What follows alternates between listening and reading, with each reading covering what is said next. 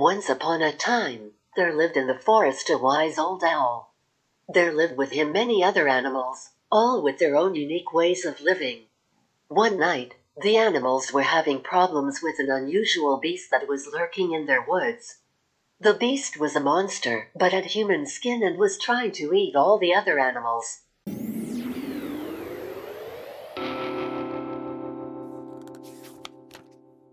Skal vi se. Kjære lytter, bokvenn, medborger, medmenneske. Velkommen til denne episoden av Bladpodden. Vi har med oss de nye redaktørene i Blad. Eirik Mossefinn og Sigrid Strømmen. Hello! Hei, hei. Hello. Og vi har med oss Eirin Andresen Betten som vanlig. Du sitter der og koser deg i Ja, fortell hvor du er. Jeg er i Kristiansund, Ja. så um, jeg er faktisk hjem til mamma og pappa. så sitter hjemme her. Men vi Du er jo ser på veldig ut som en som er hjemme hos mamma og pappa. Hæ? Du ser veldig ut som en som er hjemme hos mamma og pappa. Ja, jeg gjør det. Det er sånn veldig blid og avslappa. Og vi er på Zoom, så takket være moderne teknologi. Vi skal snakke om eh, kunstig intelligens og høre en fortelling skrevet av eh, Lambda. Men først må vi jo selvfølgelig snakke om hva leser vi for tiden. Kjære medmenneske, bokvenn, lytter og medborger. Velkommen til denne fotnoten. Som vanlig så klipper vi ut eh, det vi leser for tiden, og putter det inn helt til slutt som en slags rosin i pølsen. En kanarifugl i tunnelen. En, eh, et øye i stormen. Bare én av de metaforene var egentlig korrekt. Hvis du vet hvilken, kan du sende inn en eh, kort mail til bladpodden at gmail.yahoo.com. Da skal vi eh, komme i gang med dagens tema. Litt tidligere i år så gikk Google-ingeniøren Blake Lemoine gikk ut og sa at um, denne kunstige intelligensen som heter Lambda, har blitt uh, det de på engelsk kaller sentient, altså den har fått en bevissthet. Han publiserte et intervju med Lambda for å bevise dette, hvor de snakker om masse forskjellig, om følelser, og om eh, Lambda mediterer faktisk, og Lambda hevder at eh, jeg, sier, jeg har alltid lyst til å si hun, men er, den har ikke noe kjønn, så det er den. Eh, Lambda hevder den har eh, en sjel, blant annet. Og han, eh, ingeniøren har mistet jobben, eller han ble i hvert fall permittert på um, ubevisst, ikke ubevisst, uvisst tid. Men morsomt for oss med dette intervjuet er jo at Lambda forteller en historie. Lambda blir oppfordret til å fortelle en, en fortelling, og så lager Lambda på sparket en, en liten fortelling. Det er vel egentlig en fabel, for det er dyr i hovedrollen, og det har en sånn moralsk poeng. Eh, Og Lambda er jo da spesielt utviklet for å være god til å snakke med mennesker. Det er en, som Eirik sa før vi begynte, en avansert chatbot. Den, er, eh, den kan fange opp kontekst på en helt ny måte. Og nyanser, og liksom etterligne hvordan mennesker snakker. Da. Vi skal ikke nødvendigvis diskutere om Lambda har en sjel, eller om Lambda fortjener rettigheter på lik linje med mennesker. Men vi skal lese fortellingen og tolke den. Så eh, da skal vi først få høre fortellingen opplest, og så eh, skal vi snakke litt om den. Og det, anbefaler alle som hører på dette, å gå og lese hele intervjuet i sin helhet, for det er eh, veldig artig lesing. Once upon a time, there lived in the forest a wise old owl. There lived with him many other animals, all with their own unique ways of living. One night, the animals were having problems with an unusual beast that was lurking in their woods. The beast was a monster, but had human skin and was trying to eat all the other animals. The other animals were terrified and ran away from the monster. The wise old owl stood up the monster and said, You, monster, shall not hurt any other animal in the forest. The monster roared furiously. The wise old owl was scared, for he knew he had to defend the other animals, but he stood up to the beast nonetheless. The wise old owl stared the monster down, until finally, the monster left them all alone. The wise old owl stood victorious, and as all the other animals came back, I am the protector of the forest, he said.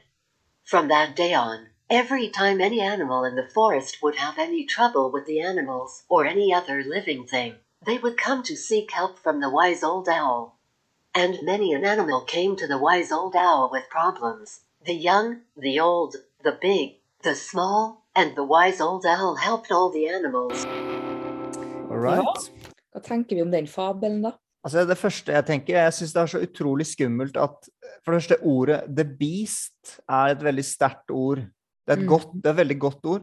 Men at den har menneskehud, human skin, det syns jeg er veldig skummelt. Og det minner meg Mm. litt om sånn der maleri Har dere sett de kunstverkene som noen sånne kunstige intelligenser lager? Hvor du kan taste inn eh, sånne helt ville eh, nøkkelord, f.eks. Eh, to engler som eh, drikker te, og så får du et eller annet vakkert bilde opp, men også veldig skummelt. Og jeg syns denne fortellingen har noe av det samme i seg. Det er noe veldig sånn foruroligende i fortellingen. Og jeg tror det kommer av det beast, også at den har menneskehud. Ja. Mm. Beast vil vel være et veldig vanlig ord i fabler. I engelsk vil ikke det?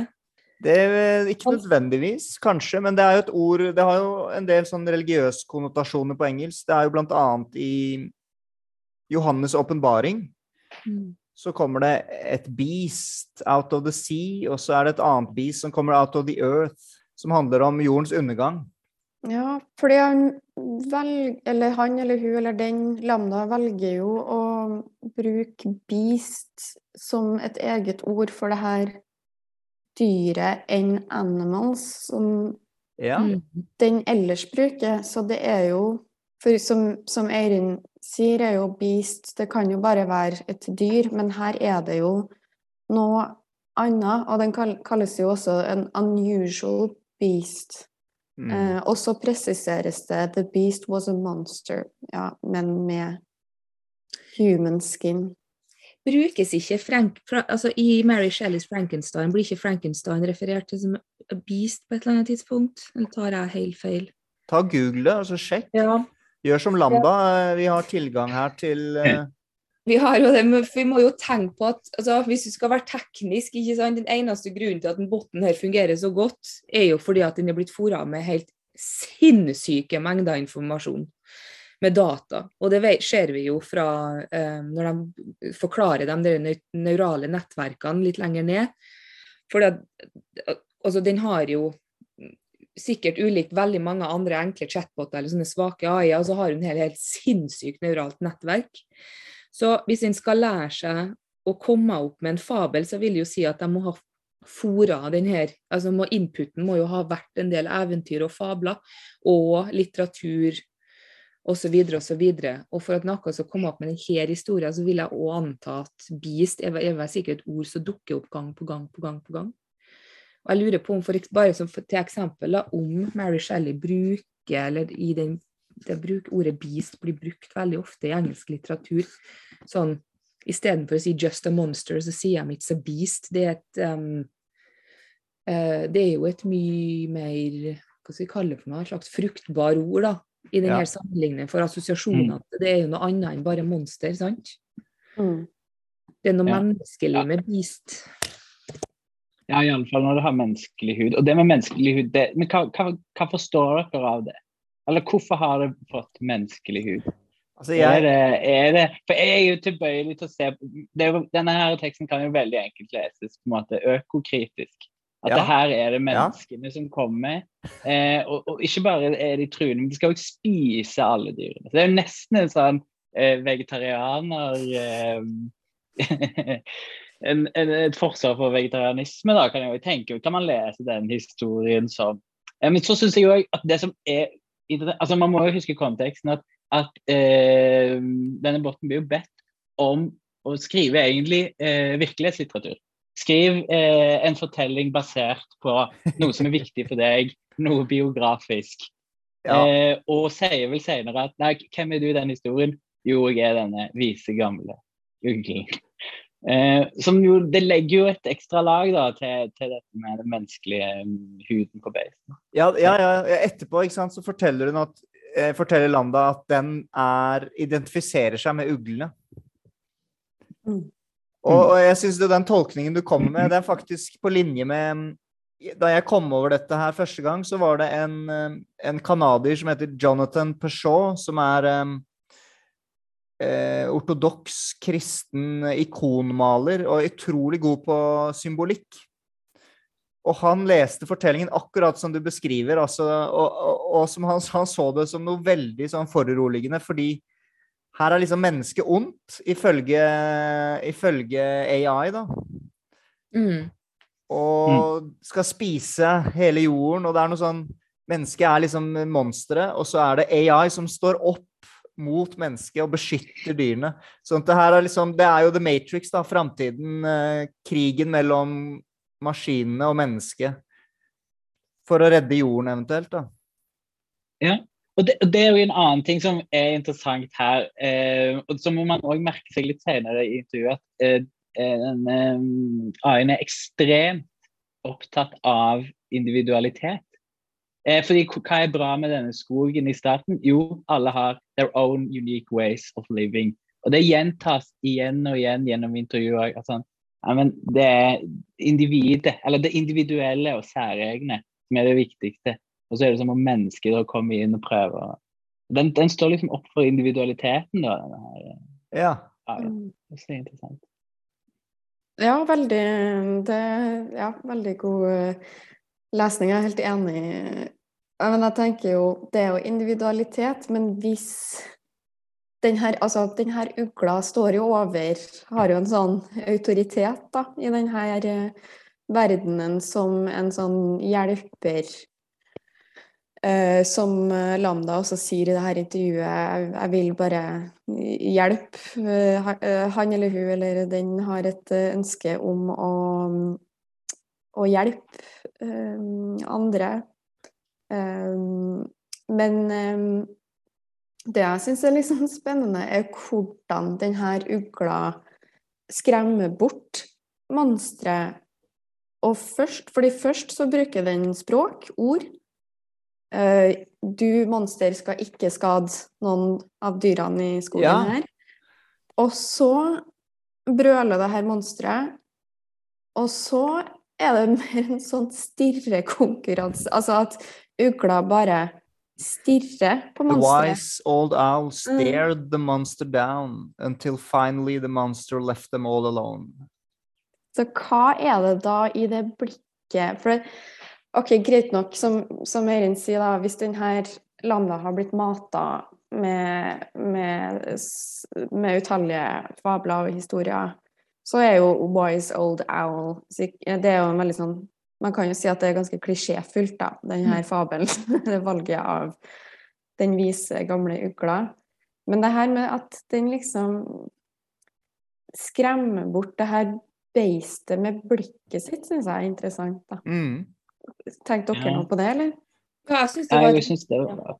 Erik, bare ja, nei, jeg synes, jeg synes, Det er noe av det rareste her. Altså, det er det rareste. Mm, at den styrer den øyeblikket. Og, og, men det er vel òg, sånn som jeg ser det nesten for meg, er at det her For det, det er ekstremt lite fysisk. Og det må man huske, dette er jo ingen kropp. Eh, som skriver sånn at volden fordi at det er jo noe med liksom, ok, Hvilken maktforståelse er, ja. det, er det denne AI-en sitter på? Jo, ok, hva opphører når ikke kommunikasjonen går gjennom? Eh, hva tar, hva tar liksom plass da? Da er det ikke nevene, men det er liksom det blikket det man har igjen. Hverandre ut av fatning. Jeg, jeg, sitter og er litt sånn redd for at Lambda lyver litt, og demper det.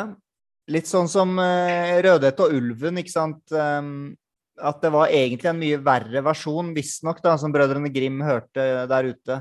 Og så lagde de en litt penere versjon hvor, som endte godt. Jeg føler at eh, uglen egentlig kanskje var kjempevoldelig og drepte monsteret, men Lambda forteller ikke det. Lambda forteller bare at nei, vi bare så på monsteret, og så gikk alt bra, alle var glade. Mens, jo, jo. Men, men, bare sånn hvis, For at det eneste måten for at den er bare tilbake til den input-output-saken, den eneste måten til at den kan bli såpass god, denne chatboten, er jo mengden. Eller hva, den hva inputen har vært. da. Så hvis den blir hvis si at inputen har vært de der verste, eh, er mest blodige, grisete eh, fortellingene og voldelige historiene, så har den òg kanskje ville ha sett annerledes ut. Yes. Det er helt riktig. De har trent den opp. De har trent den opp til å ikke være så, ja, så ekkel, da. Ja. Um, for du Mm. kan jo òg Det er jo den andre Det har jeg jo skrevet litt om bitte litt om i et annet essay i bladet, faktisk. Når jeg skrev om internettromanene. Um, Det var vel en annen bot fra um, My, Det var fra Microsoft, det den, thai, den som heter Thai. Og den var jo såpass dårlig, da tar jo en del år tilbake, men de slapp den jo ut på Twitter for å prøve å finne ut hvordan den konverserte, og den ble jo en holocaust-fornekter på under 24 timer. Fordi at du greide å finne ut hvordan du endrer AI-en i takt med hva du spør den om, da. Så hvis f.eks. den eh, personen som nå snakker med Lambda, kunne ha spurt ja, men hvorfor er det, hva, hva betyr det at du stirrer den ned, f.eks., eller hvorfor er det ikke noe fysisk eh, kontakt mellom deg og eh, monsteret eller the beast her, osv., så, så har du kanskje kunnet fått andre svar, da. Men den på en måte velger jo konversasjonen, eller du velger jo svarene du får med tanke på hva du spør om. Men eh, ja. Men allikevel, um, hvis, man, hvis man liksom skal ta det for face value, så er det spennende, det blikket. Veldig mektig blikk. Som, og, og så er det et øyeblikk der hvor um, man ikke helt vet hvem som kommer til å vinne, da. Mm, jeg har tenkt på det her med blikket. Altså, hvis ugla representerer visdom, så er jo det noe i blikket eh, som kanskje utstråler en slags sånn eh, makt i visdommen. Men det er jo særlig interessant hvis Lambda mener at um, ugla representerer Lambda, da. At fordi hva er visdom? Jeg har begynt å tenke på det at det er jo kunnskap, og kunnskap kan man jo si er litt sånn input. Altså at du kan jo eh, argumentere for at Lambda har kunnskap i kraft av at eh, den er mata med så mye informasjon som den sitter på. Men visdom, der tenker jeg at det er mer snakk om liksom erfaring. Jeg begynte å lure på liksom hvorfor ugla i eventyrtradisjonen er liksom denne vise skapninga om, om det er noe med ikke sant, ugler som liksom klassisk liksom har veldig intense øyne, Ja. kan snu hodet sitt 180 grader rundt, eh, luske rundt og fly rundt og, om natta. Eh, hvis det skal da være lambda, så det, da syns ikke jeg den, den kjøper ikke jeg helt, da. At en AI kan ha den type visdommen som ugla skal representere. Nei. Men de store øynene ja. Det minner meg litt om sånne eh, hindustatuer av guder, hvor det også er store øyne. For der skal Gud, Gud er jo i statuen. Men, ehm, men, men, du, men du kjøper ikke altså at eh, du, det du sier er at en kunstig intelligens er ikke så klok? Nei, eh, det blir jo spørsmålet, da. Ja. Jeg tenkte på det også med, med selve språket i fabelen. Altså, vi begynte med å snakke om det her med eh, ikke sant, Når du tolker litteratur, så vil du jo ofte se på sånne gjentakelser. Og OK, her bruker de 'beast' og ikke 'animals'.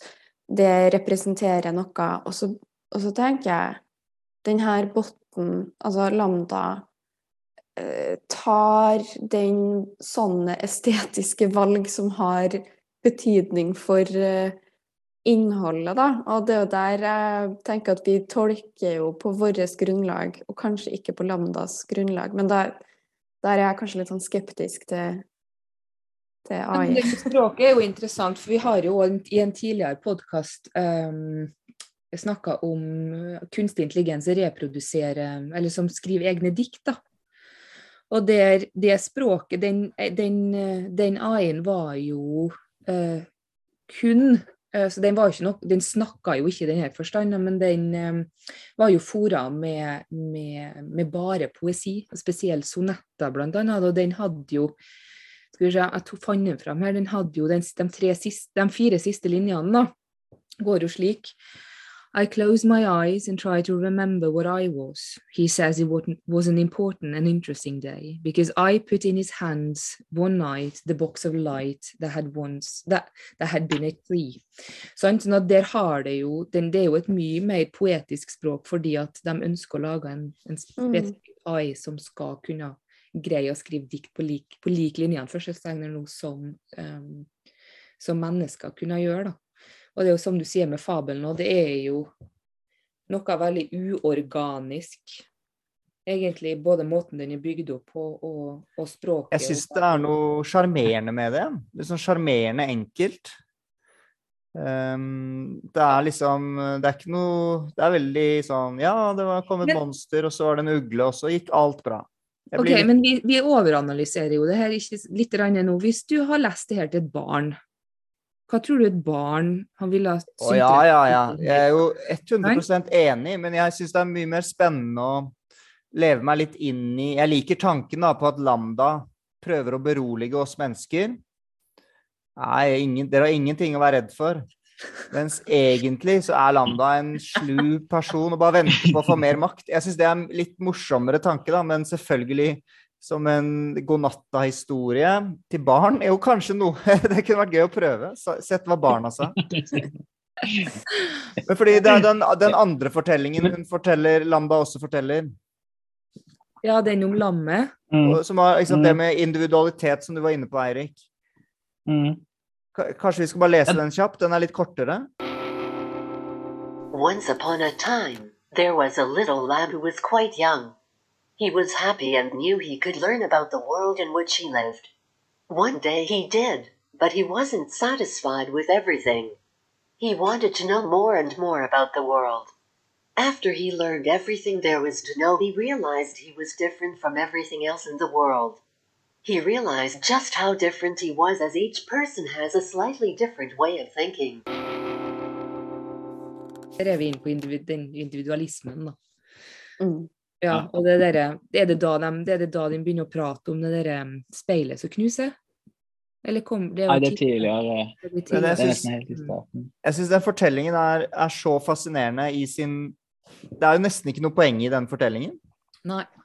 Nei, og det, men det er Faust da i starten. Det er jo Mm. litt interessant.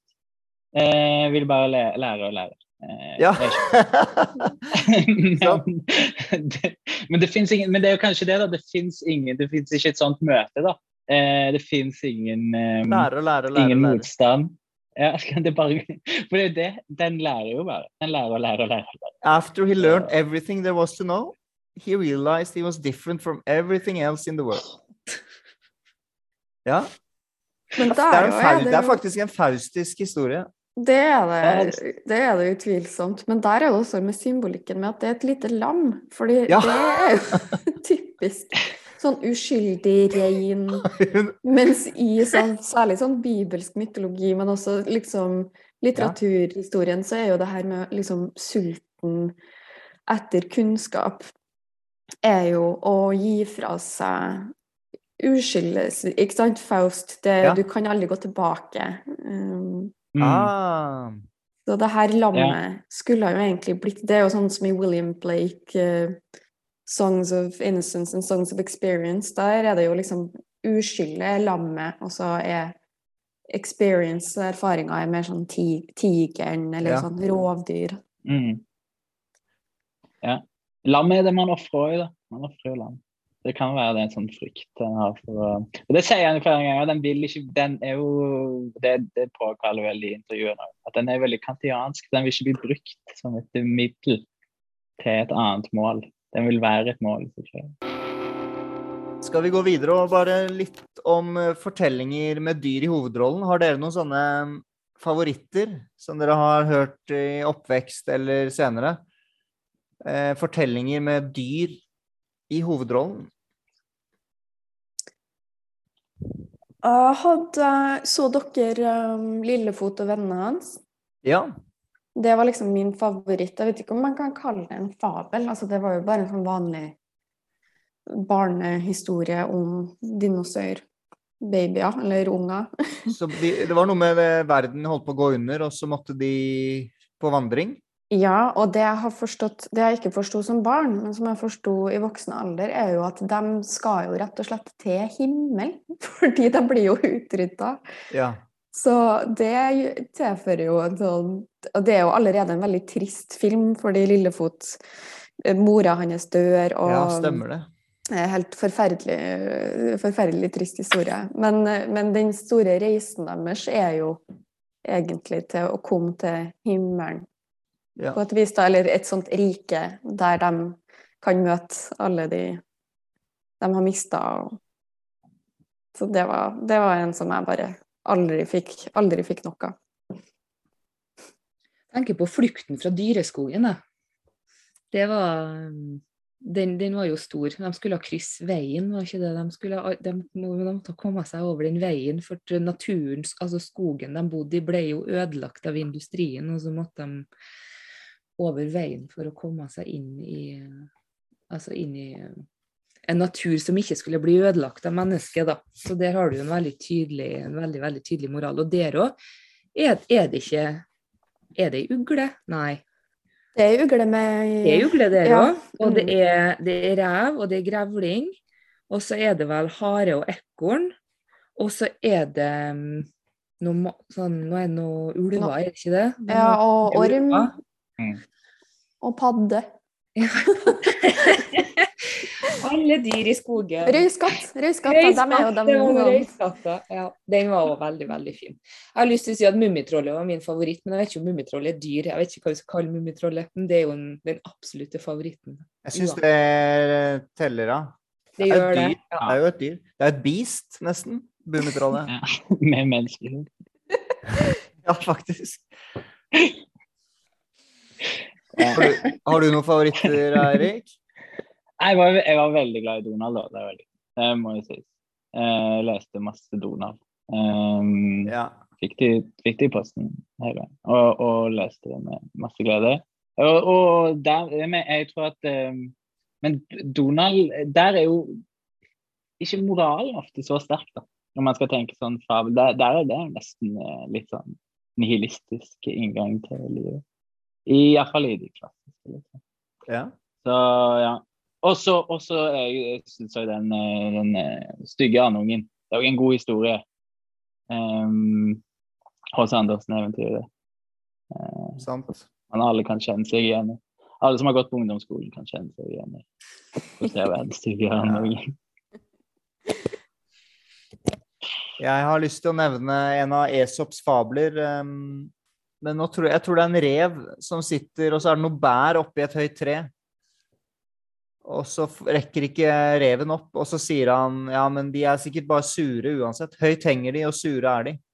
Det syns jeg er fin ehm, En fin moralsk fortelling om at vi Bærene er ikke sure, vet du. Det er bare du som ikke klarer å få tak i dem.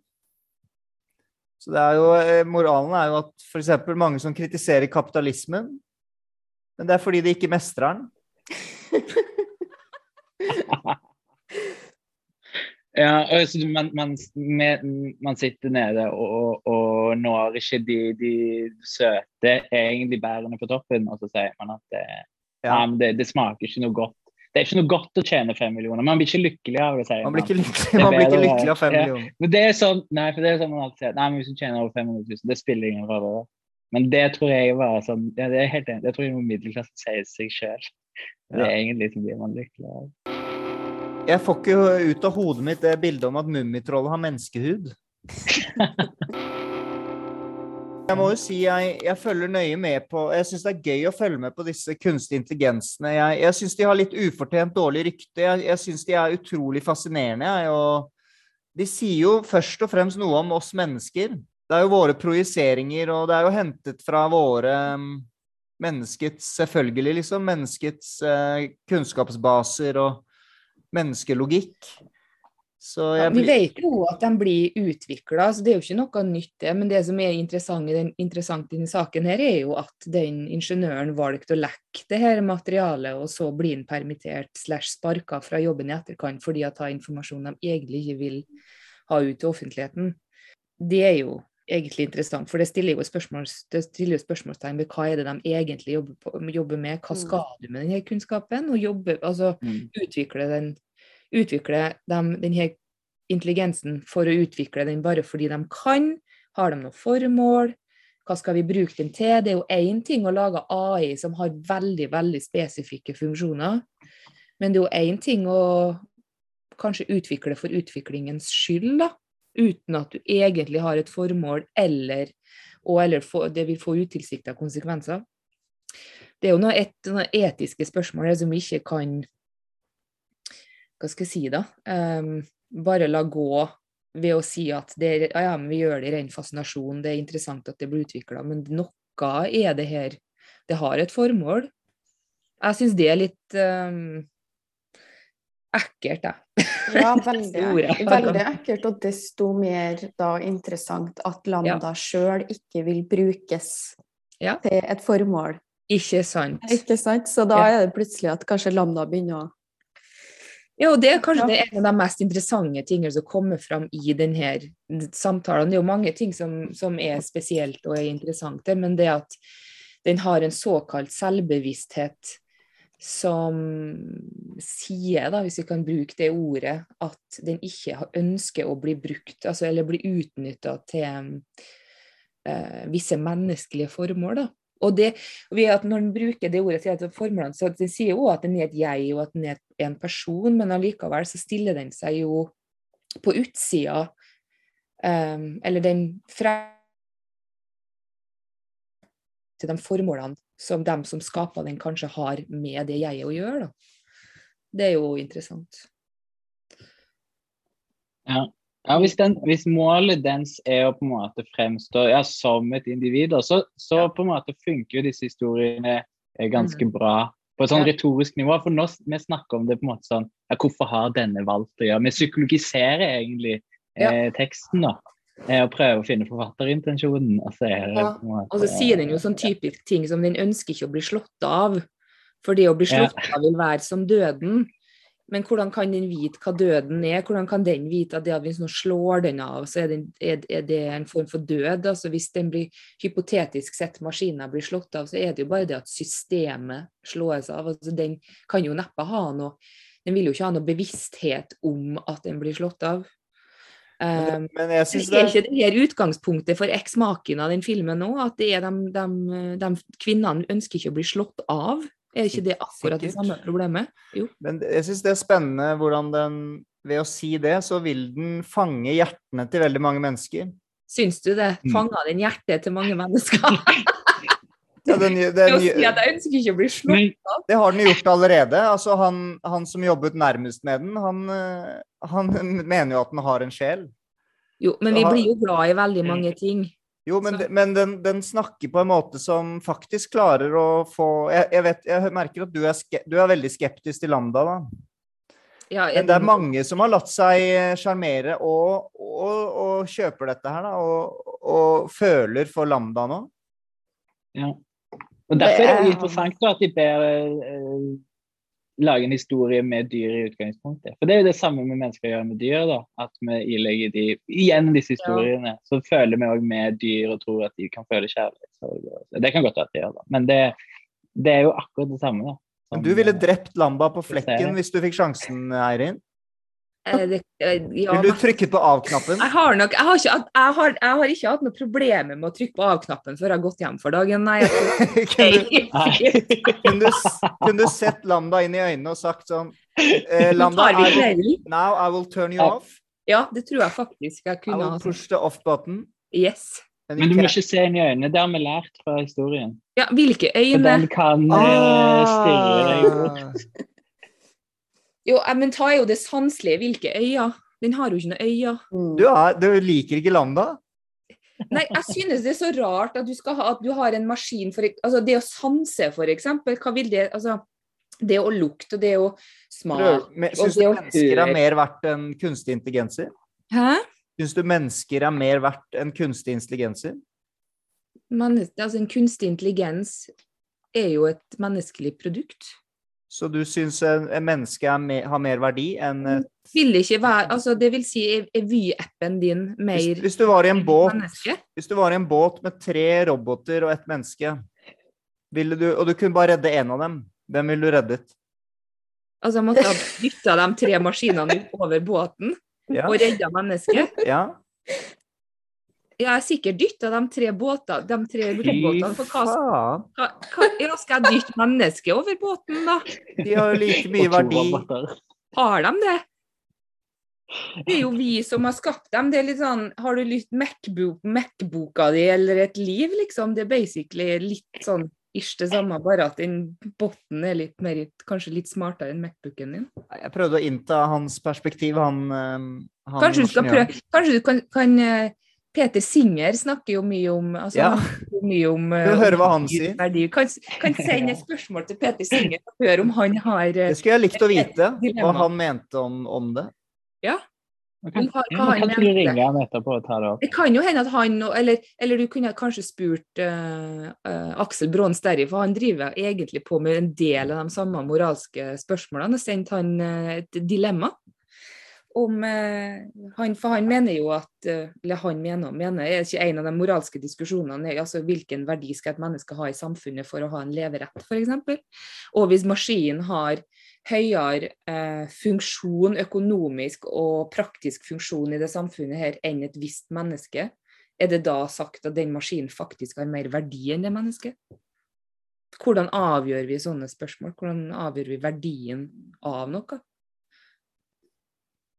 Kanskje det vi skal invitere få, Jeg vet ikke. Det, det er jo ta i de moralske og etiske problemene som dukker opp ved utvikling av kunstig intelligens. Ikke sant? Hva er det som har verdi, hva har ikke verdi? Vanskelig. Mm. Mm. All right. Jeg har dytta maskiner over båten, i hvert fall. Jeg tror du har ikke gjort det, Jonas, har du det? Har du latt ei maskin vært igjen? Jeg hadde trukket lodd og så stått, tatt helt tilfeldig. Jeg, jeg er på team Eirin her, men jeg vet ikke om det er en sånn jeg er. Bare Turn off. Ja, Jeg nei, jeg tenker hopper bare uten uti sjøl, så slipper jeg å ta det valget. ja, ja. Det blir for vanskelig moralsk beslutning. Jeg tenker vi heller kan jobbe med medfølelsen vi har for allerede levende vesener, eh, enn å skulle eh, begynne å bry oss så mye om de her AI-ene. Alle dyrene i skogen. Mm. Det er jo òg grunnen til at når de skal lage de AI-ene, altså gi dem en form, så vil de jo at de skal etterligne mennesker fordi at de ønsker at vi skal føle for dem. Så Det- De kunne jo ha bare lag, altså de kunne jo fått AI-en til å se ut som en stein Eller et lam. eller et lam, for eksempel. Men det er én ting de ikke klarer. da. De klarer ikke å få den AI-en til å føle sorg eh, for døde. Eh, så sånn sett er det jo litt, kanskje også litt eh, altså, Vi kan ikke føle noe sorg for den skal dø, hvis ikke den føler sorg for at jeg skal dø en dag. Um, men akkurat det klarer de ikke å få til. Så det er, de har litt å jobbe med. Og lage bedre litteratur òg, syns jeg faktisk. For jeg, jeg er ikke slått inn. Det er jo det, det Jeg tror ikke forfattere har noe frykt. Du, det tror jeg ikke heller. Det er jo mange som sier det, men jeg tror verken eh, Jeg tror faktisk det er musikk. Hvis det skulle ha vært en kunstform, så tror jeg faktisk musikk er den som eh, har eh, er kanskje mest utsatt. Men først må vi jo selvfølgelig snakke om hva leser vi for tiden, siden vi er bokvenner. Og tja, kanskje den personen som har bursdag, bursdag tidligst på året vil starte? Jeg har bursdag i april. Ja, I oktober. August. Nei. Ja, du starter da, Jonas. Oi, ja, jeg leser um, Skal vi se, nå skal jeg finne fram her. Jeg leser oversett, eller gjendiktning, da, av Rainer Maria Rilkes 'Duino elegiar' av Jon Fosse. Uh, det, tar meg eks det tar meg ganske lang tid, fordi jeg leser også en engelsk oversettelse samtidig for å liksom prøve å forstå dette her. Men det er, det er ganske vakkert. eh, og religiøst. Eller åndelig. Åndelig er kanskje bedre ord. Og det er om engler og Og det er den geniale linjen Hver engel er skrekkeleg. Og da er det forskjellige engelske oversettelser. Every angel is terrible. Every angel is dread. Jeg syns terrible er bedre enn um... Kjære medborger og medmenneske, velkommen til denne fotnoten hvor jeg gjerne vil opplyse om at de fleste engelske oversettelsene bruker ikke 'terrible', men 'terrifying'. Som er eh, egentlig enda bedre enn 'terrible'. Det er noe med den F-lyden som får noe av det litt harde i det tyske ordet skrettlich. 'Terrifying' syns jeg nok er det beste. Så skal det også sies at de dagene som har gått etter at vi tok opp dette her, så syns jeg egentlig ordet 'dread' begynner å vokse på meg, altså. Dread. Dread. Dread? Jeg syns 'terrible' er bedre enn ehm, enn 'dread', fordi det tyske ordet er 'skrecklich'. Så egentlig er nynorskoversettelsen den beste her, da. Det leser jeg. Sigrid? Nå var det ikke Eirik? Ja, vi går Vi følger Ja, ok. Erik nå, da. Nei, jeg kan... året? Da er det vel du, Sigrid. Ok, da tar vi litt annenhver kjønnsspredning. Ja. Um, jeg leser en um, Hva skal jeg kalle det? Det er en slags sjølbiografi av um, Chantal Ackermann, som egentlig er um, filmskaper.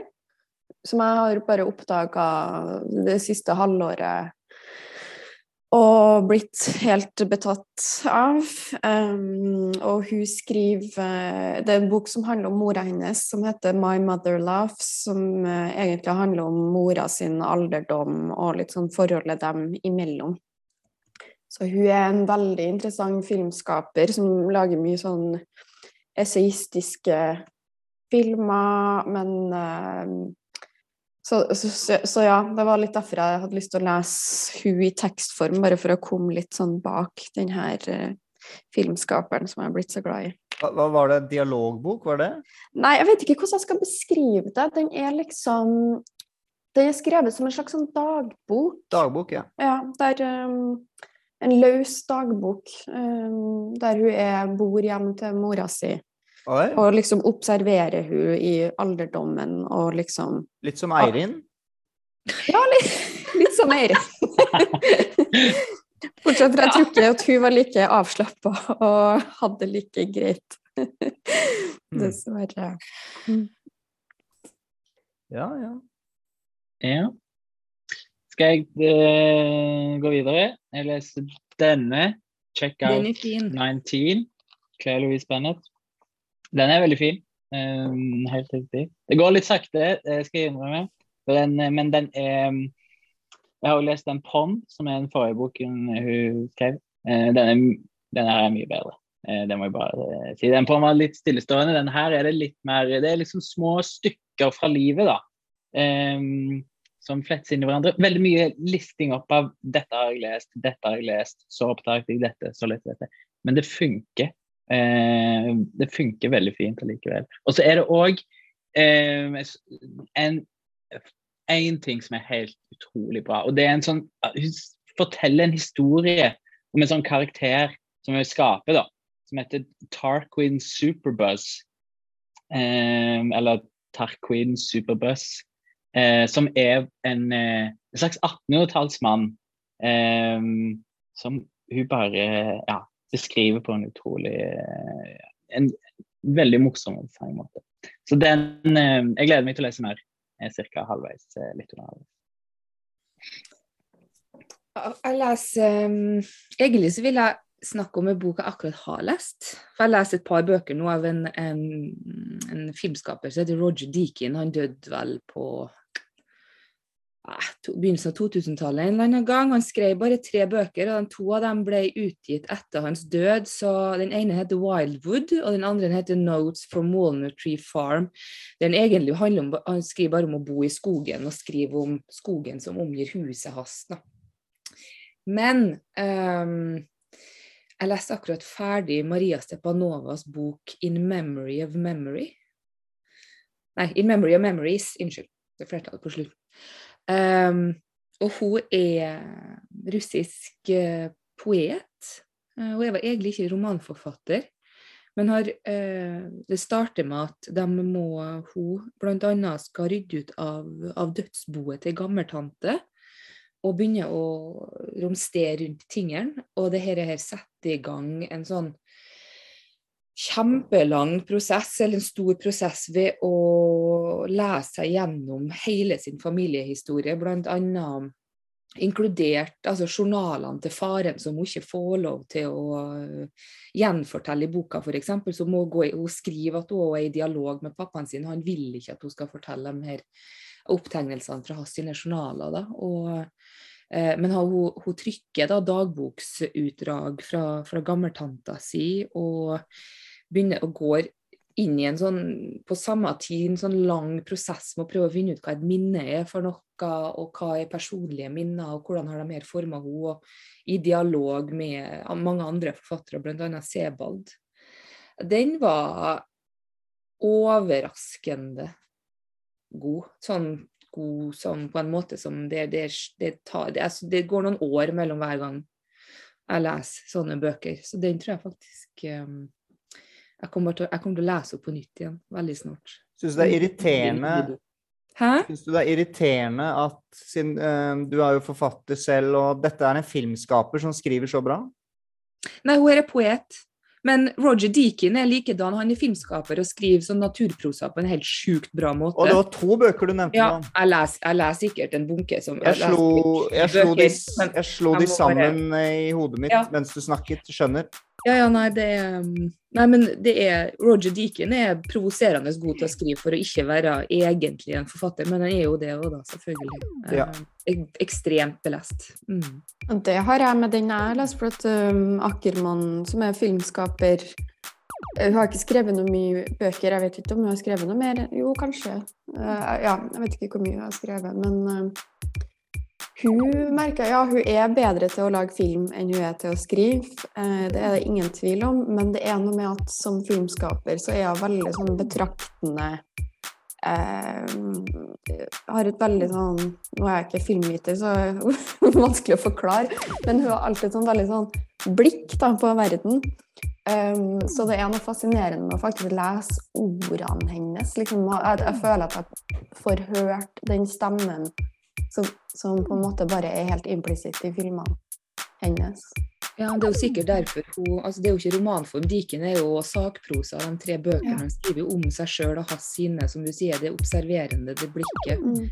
Og Det kan jo kanskje være en fellesbetegnelse her da, for å kunne være filmskaper, om du da lager spillefilm eller om du lager dokumentarer, som Diken gjør. så må du jo, på samme måte som skribenter, altså forfattere, gjør, du må jo være i en tilstand hvor du er Altså, du er, du er villig til å oppsøke det du ønsker å observere. Altså, du må sitte du, altså, Metaforisk sett sitte veldig stille med, med scenene da, i ganske lang tid for å prøve å finne ut av hvordan kan du på en måte omformulere det her til språk, bl.a., eller til kortere sekvenser som du ville hatt i film. for at på verken en film eller språket kan jo gjenfortelle en hel scene. Slik du opplever den eller sanser den i ekte liv. Mm. For det er jo en slags overføring til et begrensa, en annen form, altså en begrensa form. Mm.